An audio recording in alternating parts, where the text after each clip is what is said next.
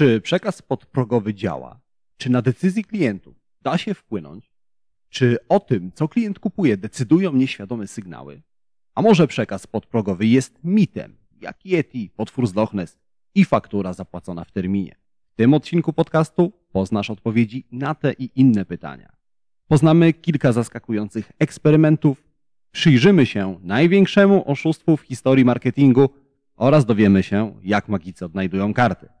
A co najważniejsze, dowiesz się, jak tą wiedzę wykorzystać w swoim marketingu i jak jeszcze lepiej i skuteczniej sprzedawać swoje produkty i usługi. To jest podcast Marketing z głową. Źródło wiedzy dla przedsiębiorców, handlowców i marketerów, czyli dla osób, które chcą sprzedawać lepiej i chcą sprzedawać więcej. Zaprasza Łukasz Chodorowicz. Zanim zaczniemy, pamiętaj, że więcej informacji o tym, jak zrozumieć klienta, jak robić lepszy marketing i jak więcej sprzedawać, znajdziesz w moich newsletterach. Tak, są dwa. Jeden darmowy, drugi płatny. Linki do obu znajdziesz w opisie tego odcinka podcastu. Zerknij, poczytaj i dołącz do tysięcy przedsiębiorców, marketerów i handlowców, którzy co tydzień dostają zastrzyk wiedzy, dzięki której ich firmy rosną jak na drożdżach. Witam Cię w 13 odcinku podcastu Marketing z głową. Mam nadzieję, że nie jesteś przesądny, a ten odcinek okaże się w jakiś sposób dla Ciebie szczęśliwy. Mocno trzymam za to kciuki. W tym podcaście niezmiennie zaglądamy do głów Twoich klientów i szukamy odpowiedzi na ważne pytanie. Jak klienci podejmują decyzję o zakupie? Po co to robimy? Oczywiście po to, żeby robić jeszcze lepszy marketing i żeby skuteczniej sprzedawać Twoje produkty i usługi. To jest podcast dla wszystkich przedsiębiorców, handlowców i marketerów, czyli osób takich jak Ty, które chcą sprzedawać lepiej i chcą sprzedawać więcej. Ja nazywam się Łukasz Chodorowicz i pomagam firmom osiągnąć sukces, tworząc skuteczny marketing. Wiedzę, którą dzielę się z Tobą, czerpię z badań na temat ekonomii behawioralnej, neuropsychologii oraz dziesięcioletniego doświadczenia w pracy z firmami takimi jak Twoja. W 1957 roku kilkudziesięciu dziennikarzy znalazło w swoich skrzynkach tajemnicze zaproszenie do kina. Nadawcą zaproszenia był niejaki James Vicary, a zaproszenie dotyczyło premiery filmu pod tytułem Piknik. Dziennikarze sądzili, że Vicary oczekuje od nich recenzji nowego filmu. Jednak James Vicary nie był związany z kinematografią, a opinia dziennikarzy na temat filmu nie interesowała go wcale. Skoro nie o recenzję chodziło, to o co takiego? W dzieciństwie Vicary interesował się wężami, a dokładnie fascynowało go, jak hinduscy fakirzy potrafią hipnotyzować kobry grom na flecie. Chociaż Wikary nie zamierzał czarować widzów w kinie za pomocą muzyki, chciał sprawdzić, jak wpłynie na nich inny rodzaj hipnozy. Wikary wciągnął niczego nie podejrzewających dziennikarzy do jednego z najsłynniejszych eksperymentów w historii marketingu. Na czym ten eksperyment polegał? James Wikary ukrył w filmie dwa komunikaty. Dlaczego mówię, że ukrył je w filmie? Wzrok to niesamowity zmysł. Potrzebuje zaledwie 50 milisekund, aby świadomie zauważyć i rozpoznać obraz. 50 milisekund brzmi dość abstrakcyjnie, więc wyobraź sobie, że mrugnięcie powieką trwa dwa razy dłużej. Tak, wzrok to niesamowity zmysł. Jednak nie jest idealny, bo nie zauważa nic, co pojawia się na krócej niż wspomniane 50 milisekund, a przynajmniej nie zauważa tego świadomie. Co to znaczy, że nie zauważa tego świadomie? Gdy mówimy o wzroku, instynktownie myślimy o oczach. Jednak oczy to tylko jeden element układu wzrokowego. Oczy odbierają wiązkę światła, którą mózg, a dokładnie płat potyliczny, zamienia na obraz. A więc widzenie tak naprawdę odbywa się w mózgu. Skąd to wiemy? Dzięki pacjentom z uszkodzonym płatem potylicznym. Ci pacjenci, chociaż mieli zdrowe oczy, byli całkowicie ślepi. Jednak okazało się, że pomimo tego, że nie widzą, to jednak widzą. Już tłumaczę o co chodzi. Naukowcy poprosili pacjentów, aby przeszli korytarzem, na którym naukowcy ustawili przeszkody. Krzesła, miotły, wiadra. Brzmi dość statystycznie, ale okazało się, że pacjenci pomimo całkowitej ślepoty bezbłędnie omijają przeszkody. Jak to wytłumaczyć? Oczy wspomnianych pacjentów działały bez zarzutu, ale ośrodek wzroku nie umiał zamienić sygnałów, które przesyłały oczy na obrazy. Jednak to, co widzą oczy, trafia nie tylko do ośrodka wzrokowego, trafia również do innych obszarów mózgu, między innymi obszarów odpowiedzialnych za orientację w terenie. A ten obszar u wspomnianych pacjentów działał bez zarzutu. Dlatego choć pacjenci nie widzieli, zachowali doskonałą orientację w terenie i umieli omijać przeszkody. A to świadczy o tym, że do mózgu dociera więcej niż świadomie postrzegamy. Ale wróćmy do kina i do naszych dziennikarzy, którzy nadal czekają na premierę filmu. Ustaliliśmy, że ludzie świadomie nie zauważają obrazów, które wyświetlają się na krócej niż 50 milisekund. Tą ułomność wykorzystał w swoim eksperymencie James Vicary. Przez mniej niż 20 milisekund pokazywał widzom dwa zdania. Jedz popcorn i pij kole. Vicary chciał sprawdzić, jak komunikaty, których dziennikarze nie są świadomi, wpłyną na ich zachowanie, a dokładnie na to, co zrobią dziennikarze, gdy film się skończy. Po zakończeniu seansu, niczego nie podejrzewający widzowie wyszli z kina. Całkowicie przypadkowo musieli przejść obok stoiska z kolą i popcornem. I co się okazało? Dziennikarze, niczym pod wpływem hipnozy, ruszyli po napoje i przekąski. Pod koniec dnia kino odnotowało wzrost sprzedaży coli o 18%, a popcornu aż o 58%. Wyniki tego przedziwnego eksperymentu przeraziły społeczeństwo. Okazało się, że wolna wola to mit, a wyborami konsumentów można dowolnie sterować. Tak narodził się termin przekaz podprogowy. Jednak nie cieszył się życiem zbyt długo, bo natychmiast zakazano tego typu manipulacji. Był tylko jeden problem. James Vicary okazał się oszustem. Kilka lat po wydarzeniach w kinie Vicary przyznał, że wyniki badania po prostu sfałszował.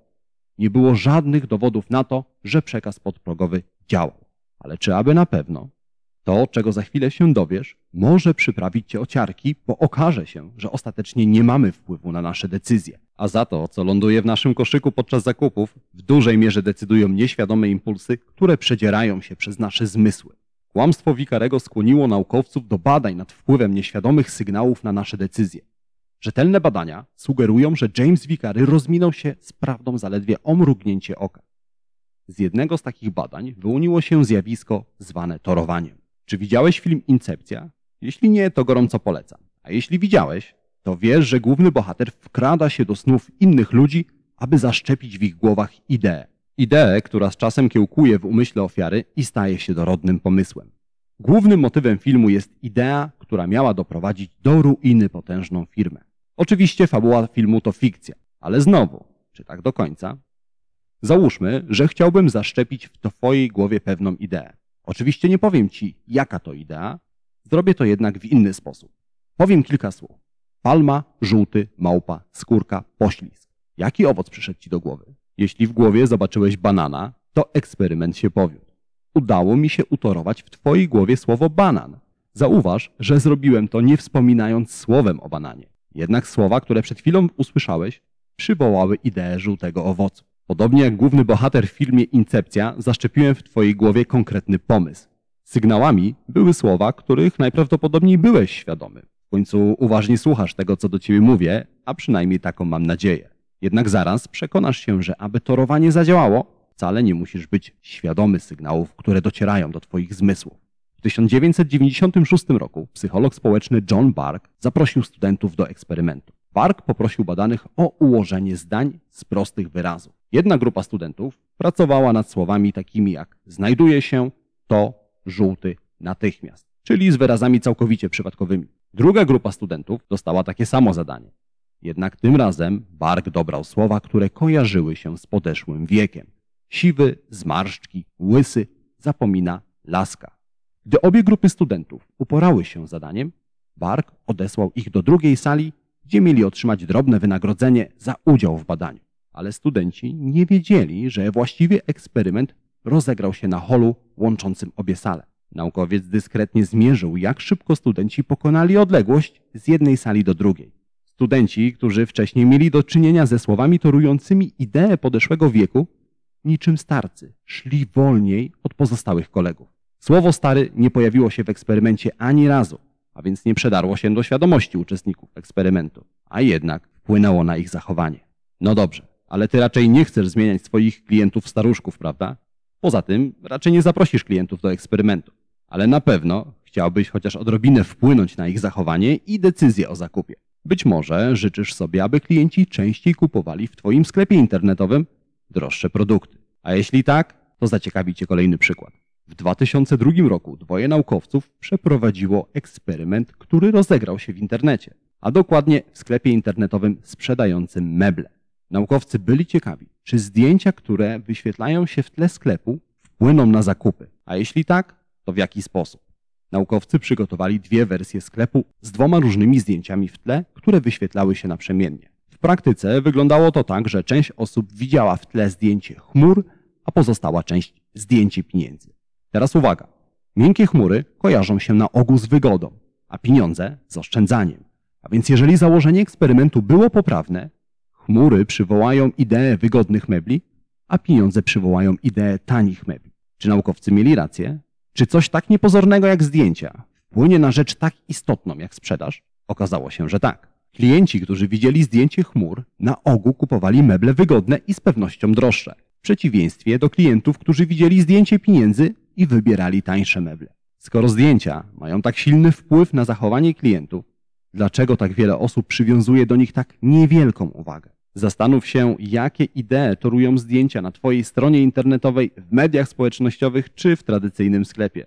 Okej, wiemy już, że słowa, obrazy mogą w pewnych sytuacjach zmieniać zachowanie klientów i wpływać na ich decyzje. No ale marketing to nie tylko to, co widzimy, to również to, co słyszymy. Zresztą właśnie teraz słuchasz, prawda? Czy dźwięki również wpływają na decyzje konsumentów? A jeśli tak, to jak bardzo? Postanowili to sprawdzić naukowcy z Uniwersytetu w Teksasie. W jednym ze sklepów z winami puszczali na przemian raz muzykę francuską, raz niemiecką. Muzyka w tle to jedna z tych rzeczy, na którą podczas zakupów zwracamy najmniejszą uwagę, prawda? Zgodzisz się więc, że to sygnał typowo nieświadomy. W każdym razie, w dni, w które z głośników płynęła muzyka francuska, 76% klientów kupowało wina francuskie. Natomiast w dni z muzyką niemiecką w koszykach klientów częściej lądowały wina niemieckie. Żeby było ciekawiej, po wyjściu ze sklepu naukowcy pytali klientów, czy jakoś szczególnie lubią wina niemieckie lub francuskie i czy to miało wpływ na ich zakupy. Klienci jednogłośnie odpowiadali, że nie. Co więcej, gdy naukowcy zadali klientom pytanie, czy muzyka im się podobała, klienci odpowiadali, ale przepraszam, jaka muzyka? Wniosek jest dość jasny, prawda? Na imprezach nie puszczaj muzyki rosyjskiej. A tak na serio, Klienci na ogół nie są świadomi subtelnych sygnałów, które do nich docierają, a jednak każdy sygnał ma znaczenie, bo ostatecznie wpływa na zachowanie klientów i na zakupy. Choć torowanie wydaje się mega manipulacyjną techniką, to absolutnie nie jest to pranie mózgu. Umówmy się, żadna muzyka ani żaden obraz nie przekona ciebie ani twoich klientów do zakupu samochodów czy nawet butów, jeżeli nie masz takiego zamiaru. Może jednak wpłynąć na nasze decyzje na nieco bardziej subtelnym poziomie. Na przykład, czy wybrać e, samochód w kolorze czerwonym czy czarnym, czy zjeść pizzę, czy burgera, czy kupić buty tańsze, czy droższe. No właśnie. Powiedzieliśmy sobie, że obrazy, słowa, dźwięki torują konkretne idee, przywołują skojarzenia i modelują zachowanie klientów. Jest jednak jeszcze jeden sygnał, o którym nie rozmawialiśmy, a który z pewnością Ci się spodoba. Ten konkretny sygnał może zdecydować, czy klient kupi produkt u Ciebie, czy u Twojej konkurencji. Ten sygnał zadziała pod warunkiem, że klienci oczekują w zamian za swoje pieniądze wysokiej jakości. Mam na myśli cenę. I nie byle jaką cenę, bo chodzi o wysoką cenę. Bo w konkretnych sytuacjach wyższa cena przywołuje ideę wysokiej jakości. To znaczy, że gdy klient nie potrafi ocenić jakości produktu, użyje ceny jako miernika jakości. Im wyższa cena, tym produkt wyda mu się lepszy.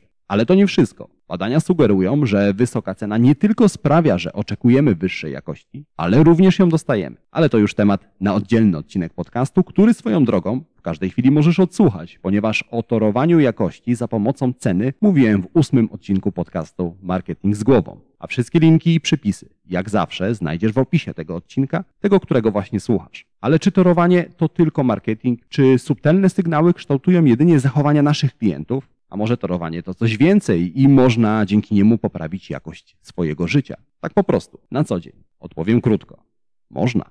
Bo skoro możemy wpływać na innych, to nic nie stoi na przeszkodzie, abyśmy wpłynęli sami na siebie. Na przykład na swoje emocje. Tylko jak? Jednym z takich sposobów jest Power Pose. Autorką Power Pose jest psycholog społeczny Amy Cady. Cady pokazała Power Pose podczas jednego z wystąpień na TED Talks.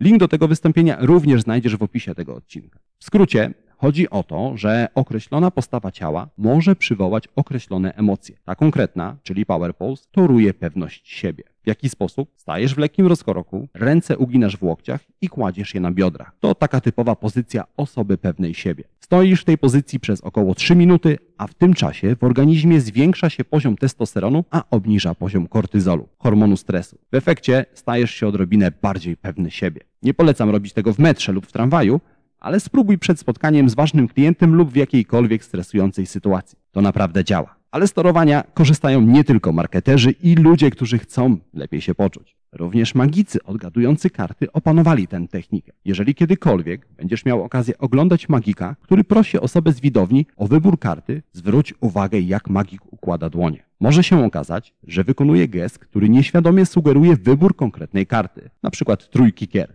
Zresztą nie musisz czekać do kolejnego magicznego pokazu. Wystarczy, że zerkniesz w opis tego odcinka. Umieściłem tam link do zdjęcia, na którym znajdziesz ten konkretny gest. No dobrze. I tak oto opowiedziałem Ci o wszystkim, o czym obiecałem opowiedzieć na początku tego odcinka. Czas więc na krótkie podsumowanie i wnioski, więc trzy rzeczy, które warto zapamiętać. Po pierwsze, pamiętaj, że nieświadome sygnały mają wpływ na nasze decyzje. Ja lubię to określać zdaniem wszystko ma znaczenie. Kolory, słowa, obrazy, dźwięki, a nawet zapachy. Po drugie, pamiętaj, że torowanie to nie jest pranie mózgu. Nie możesz wpłynąć na podstawowe intencje Twoich klientów. To znaczy nie przekonasz klienta do zakupu piły motorowej, jeżeli klient chce kupić mleko. Jednak możesz wpłynąć na bardziej subtelne decyzje, te dotyczące wariantu produktu, koloru, ceny itd. Po trzecie, pamiętaj, że torowanie możesz wykorzystać, aby poprawić jakość swojego życia. Pamiętaj o Power Pose i o tym, że zielony kolor uspokaja.